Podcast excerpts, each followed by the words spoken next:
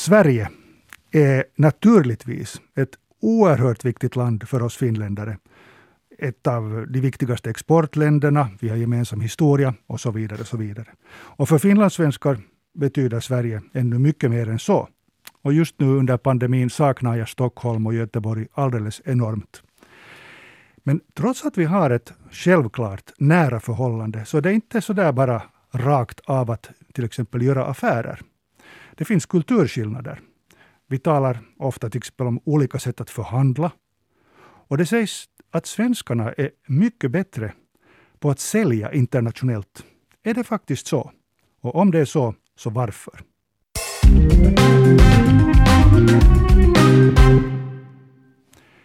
Välkommen med i pengarnas värld, Kjell Skoglund, verkställande direktör för Finsk-svenska handelskammaren i Stockholm. Vad ska man särskilt tänka på som finländare, som finländskt företag, som finländsk företagare, när man ska etablera sig på den svenska marknaden? Om man tar de här grundläggande sakerna, ja. så för det första så ska man, så ska man komma ihåg att, att det där svenskarna så är väldigt vänliga och glada. De är inte lika tydliga som, som vi Finland, finländare är vana att, att vara. De äh, säger inte nej utan fast de inte kanske tänker köpa en produkt eller tjänst så är de väldigt positiva och pigga och tycker det här är ju en trevlig grej och det här ser ju väldigt fint ut och så här. Så när finländarna första gången kommer ur, ur mötesrummet och haft ett försäljningssamtal så tror de just därför att svenskarna är så väldigt positiva och glada och trevliga att nu har vi produkten såld. Men, Men det, är, det inte riktigt så. Det, det, är inte riktigt så inte, utan ett försäljningssamtal i Sverige så det kräver många möten, det kräver att man träffas flera gånger och eh, därför brukar jag säga kanske det allra viktigaste är att man har uthållighet då man kommer in på den svenska marknaden. Hur är det med språket? Ska man kunna svenska? Eller räcker det med engelska idag? Eh, som i all form av, av försäljning så är det nog väldigt bra om säljaren kan köparens språk. Och det här gäller nog också i Sverige. Jag tycker bara att svenskarna och, har, blivit så, de har blivit så engelskspråkiga, känns det som. Det är också sant. Det är också sant. Och, och, och ska vi säga inom de här nya, nya teknologierna, programmeringar och så, programmeringsvärden och så här, så där går ju nog väldigt mycket på engelska. Så jag brukar säga att, att det där här i Stockholmsregionen klarar man nog sig till en början på, på, på, på engelska. Men vill man komma djupare in med sina kundrelationer och i, i samhället och, och, och, så här så ska man nog över tid lära sig engelska. Men ska man däremot vara framgångsrik ute i regionerna och speciellt uppe i, i Nordkalottområdet och i, i Kiruna och Gällivare och sådana här ställen där det sker väldigt mycket idag eftersom man, man, man flyttar hela städer där. Så då ska man nog kunna, eh, kunna svenska eftersom det är en traditionell bransch. Just det, det vi, vi, glömmer ibland, eller jag glömmer ibland att Stockholm är inte Sverige och Sverige är inte Stockholm. Så är det. På tal om kulturskillnader så är det kanske större kulturskillnader mellan, ska vi säga, norra Sverige och Stockholm än vad det är till exempel mellan Helsingfors och Stockholm. Just så. När vi talar om svenska marknaden, så hur, hur stor är den? Har du någon tumregel att ge i förhållande till Finland? No, om, man, om man jämför med Finland så är det ju en dubbelt så stor marknad mm. än, än Finland. Det är dubbelt så stor, så stor uh, befolkning än vad det är i Finland. Och uh, sen så är ju nog Sverige det, det är ju ett köpstarkt folk, så att, så att det finns en, en en, en bra ekonomi här. Folk är välbärgade här. Eh, men sen ska man nog också komma ihåg att, att eh, svenskarna är väldigt noggranna med kvaliteten. Och, och, när det gäller till exempel livsmedel så är det väldigt viktigt att det är hälsosamma produkter. Och där har ju till exempel Valio lyckats väldigt bra, som i fjol gjorde sitt bästa resultat någonsin i historien i just Sverige. Var det just av de här nya produkterna som som var trumfkortet där. Jag tänker på eh, det havre och andra produkter. Det.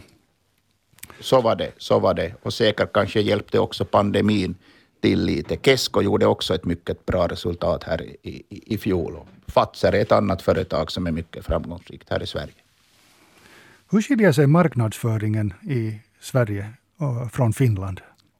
Eh, jag tror att kanske svenska företag är lite mer kreativa. De vågar lite mera.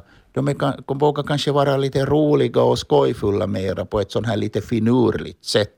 Medan kanske vi ännu i Finland är li, lite mer traditionella och försiktiga hur vi lägger upp vår marknadsföring.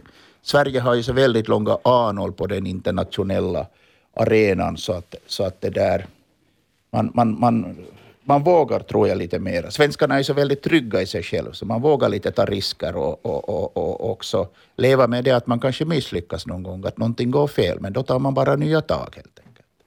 Jag läste en debattartikel som du skrev gällande svenskarnas internationella marknadsföring, eller ska vi säga det handlar om hur bra de är jämfört med finländarna på att sälja internationellt. Det skapades en intressant debatt på eh, sidorna på, på Hufvudstadsbladet. Samtidigt så är det ju lite sådär, det känns ju inte så roligt alltid att höra det där att storebror eller stora syster är liksom bättre än vi just på sådana här saker. Men är det verkligen så, eller är det en myt? Uh, nu, nu är det så att, att när det gäller liksom näringslivet och sysselsättningsgraden till exempel och också den offentliga eh, ekonomin, så nu, nu är ju Sverige hästlängder före Finland där. Sverige har ju klarat av att göra de strukturella förändringar som vi i Finland inte har klarat av under det här senaste tio året. Vad menar du med exempel gäller, Ja, förlåt. Uh, i, i, det där i Sverige har man ju, har man ju en 10 procent högre, högre sysselsättningsgrad än, än, än vad, vad det där Finland har på de som är 55-plussare. Det säger en hel del. Så att 55-plussare, alltså just uttryckligen det som vi här nu talar om också i, i Finland, hur vi ska kunna få fler av de äldre arbetstagarna att stanna kvar i arbetslivet. Varför har man lyckats Precis. med det i Sverige då? No, jag tror att man har nog använt både, både piska och, och, och lite morot. Att, att det där, för det första så, så finns det väldigt många olika lösningar för flexibla, flexibla jobblösningar. Och, och det där man behöver inte nödvändigtvis jobba, jobba fulltid. Man kan ha flexibla arbetstider, man kanske kan jobba deltid och, och halvtid. Eh, sen handlar det ju också om att, eh, att, det där att vi har haft en högre pensionsålder här i Sverige. Och eh, sen ju, handlar det ju om det att utbudet på arbete är betydligt större i Sverige än, än vad det är i Finland. Så det, det är liksom ganska många aspekter som, som bidrar till det här att man, man, man det där jobbar längre. Och sen tror jag det är lite status att jobba i Sverige. Svenskarna är väldigt flitiga. Det är status att jobba i, i, i Sverige. När jag tycker att i Finland, åtminstone för en 20 år sedan, så var det lite status att slippa väldigt, väldigt tidigt i pension. Liksom. Och, och folk var väldigt, väldigt trötta där vid, vid redan vid 55-årsåldern och så här. Men sen när man slapp i pension så, så hade man massor med energi till att göra allt möjligt och inget fel i det inte. Men, men det här ar arbetet är en dygd här i Sverige väldigt starkt. Sen en viktig sak är det att fackföreningarna, arbetsgivare och arbetstagare, drar och ror mera åt samma håll i Sverige än vad man har lyckats göra i Finland. Mm. Jag talade nyligen här i den här samma Ekonomipodden med en sociolog som jobbar i Stockholm sedan 40 år tillbaka, som är specialist på arbetslivssociologi. Och när jag talade med henne så förstod jag att man i Sverige är mer inkluderande, ett ord som, som jag nyligen lärt mig, än vad man är i Finland. När, när jag frågar om hur man ska få äh, folk att jobba bättre och, och, vara gladare och vara friskare på jobbet, så räknar hon omedelbart upp en, en massa olika grupper som man ska ta i betraktande. Allt från äldre till invandrare. Och på något vis kändes det sådär som att där tar man verkligen i betraktande alla slags olika grupperingar och undergrupperingar. Motsvarar det här också din uppfattning? Det, det motsvarar helt min uppfattning att, att det där, det var ju, det var ju egentligen det där Göran Persson när han var statsminister som då var socialdemokrat, som, som började med de här olika, olika reformerna och, och försökte höja sysselsättningsgraden och Fredrik Reinfeldt fortsatte ju, ju då med någonting som han kallade arbetslinjen. Och, och det här betydde att, att alla ska vara i jobb. Alla ska göra sitt bästa utgående från den kapacitet man har. Och det här tror jag är väldigt viktigt när det just gäller sysselsättningsgraden. Alla kan inte vara på toppnivå. Det finns människor kanske som är lite funktionshämmade eller har haft lite tungt i sina liv, haft motgångar av sjukdom eller kanske familjära skäl och så här.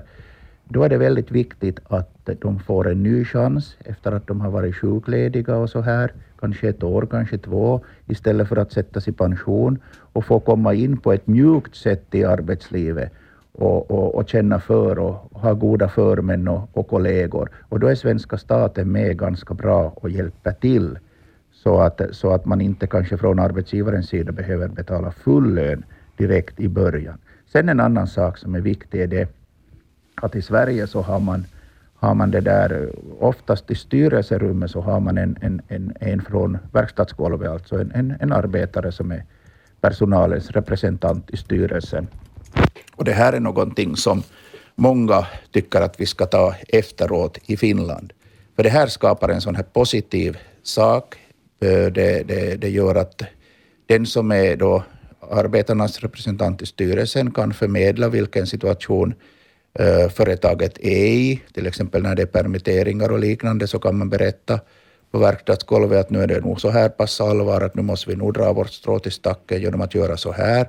Och på motsvarande sätt kan också samma person då i, i styrelsen berätta hur stämningarna är på verkstadsgolvet hos vanliga arbetare och åt personerna som sitter i styrelsen. Det här är, det här är en väldigt viktig sak som, som, som det där startade på ett positivt sätt under Olof Palmes tid här i, här i Sverige.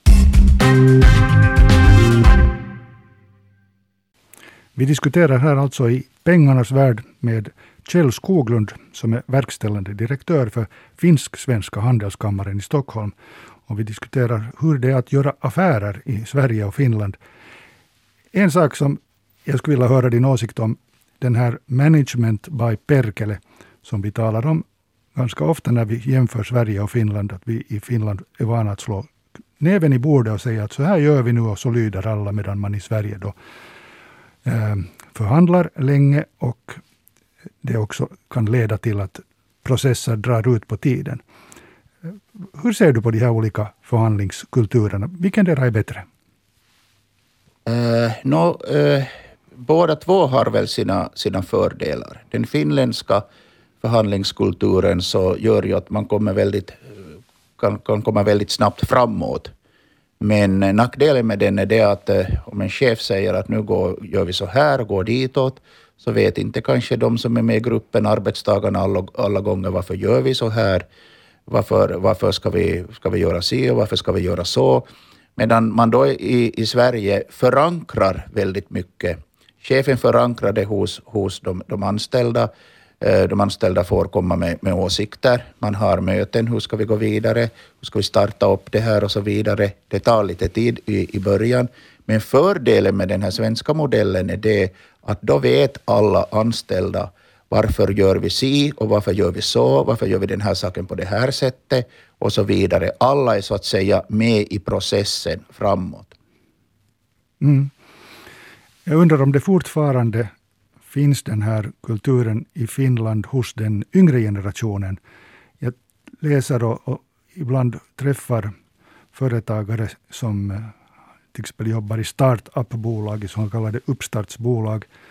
Och det känns ju nog som de skulle kanske komma från en annan värld, eller ska vi säga ha kommit in i en annan värld än, den traditionella finländska näringslivsbossens värld.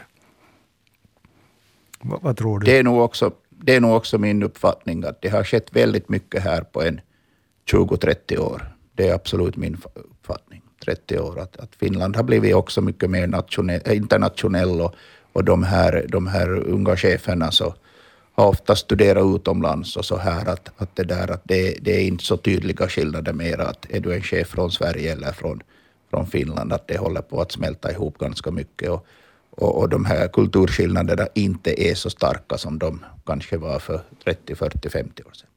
Ja. Vi ska förresten nästa vecka diskutera lite samma tema men från ett annat perspektiv, för då ska jag tala med din kollega, om jag får säga så, med Christian Weckman eh, som är eh, landschef för Business Sweden här i Finland, det vill säga han hjälper svenska företag att komma in på den finländska marknaden. Är, är han en, säkert en bekant till dig? Han är bekant, ja. Vi brukar regelbundet diskutera, diskutera det där olika, olika frågor och, och också har haft olika, olika samarbetsprojekt, till exempel när det var statsbesök i, i Finland från Sverige här för, för eh, fem, fem år sedan så, och, och, och kungen och Silvia var där i Finland också politiska ledningen, så då, då hade vi något gemensamt seminarium och så här. Liksom. Så att vi har, vi har ett samarbete. Och hans chef som är högsta chef för, för Business Sweden eh, i hela organisationen, så Ylva Berg, så hon sitter i Finsk-svenska handelskammarens styrelse, så henne har jag mycket nära samarbete med också. Nu har du, Kjell Skoglund, berättat för oss varför Sverige är så mycket bättre i allt.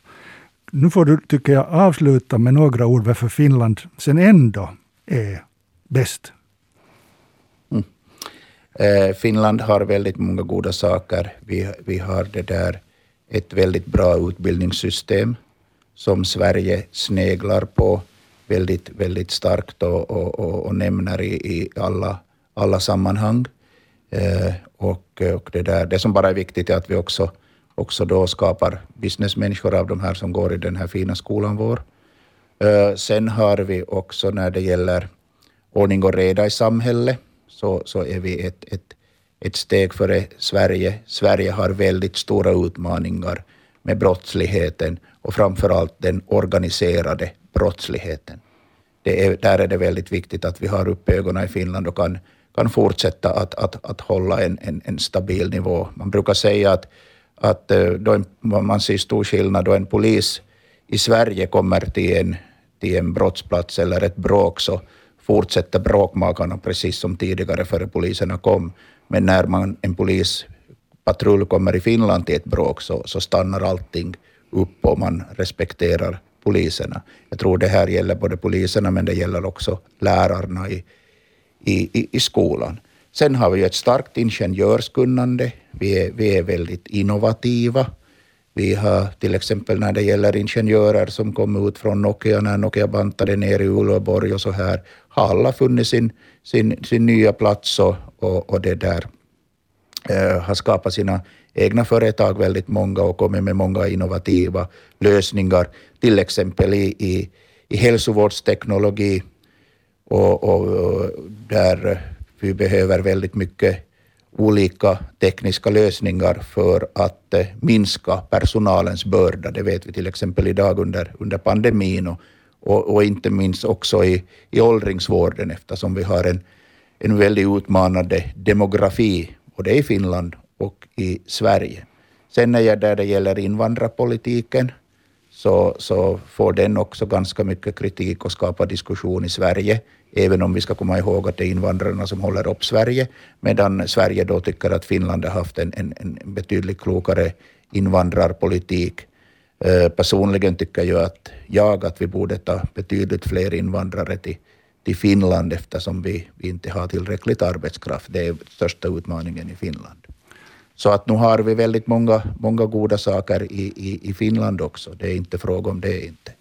Och vi ska sen komma ihåg att det här med ekonomi som din podd handlar om. Det är ingen landskamp mellan länderna. Vi ska vara väldigt glada i Finland om vi har grannar som det går ekonomiskt väldigt bra för.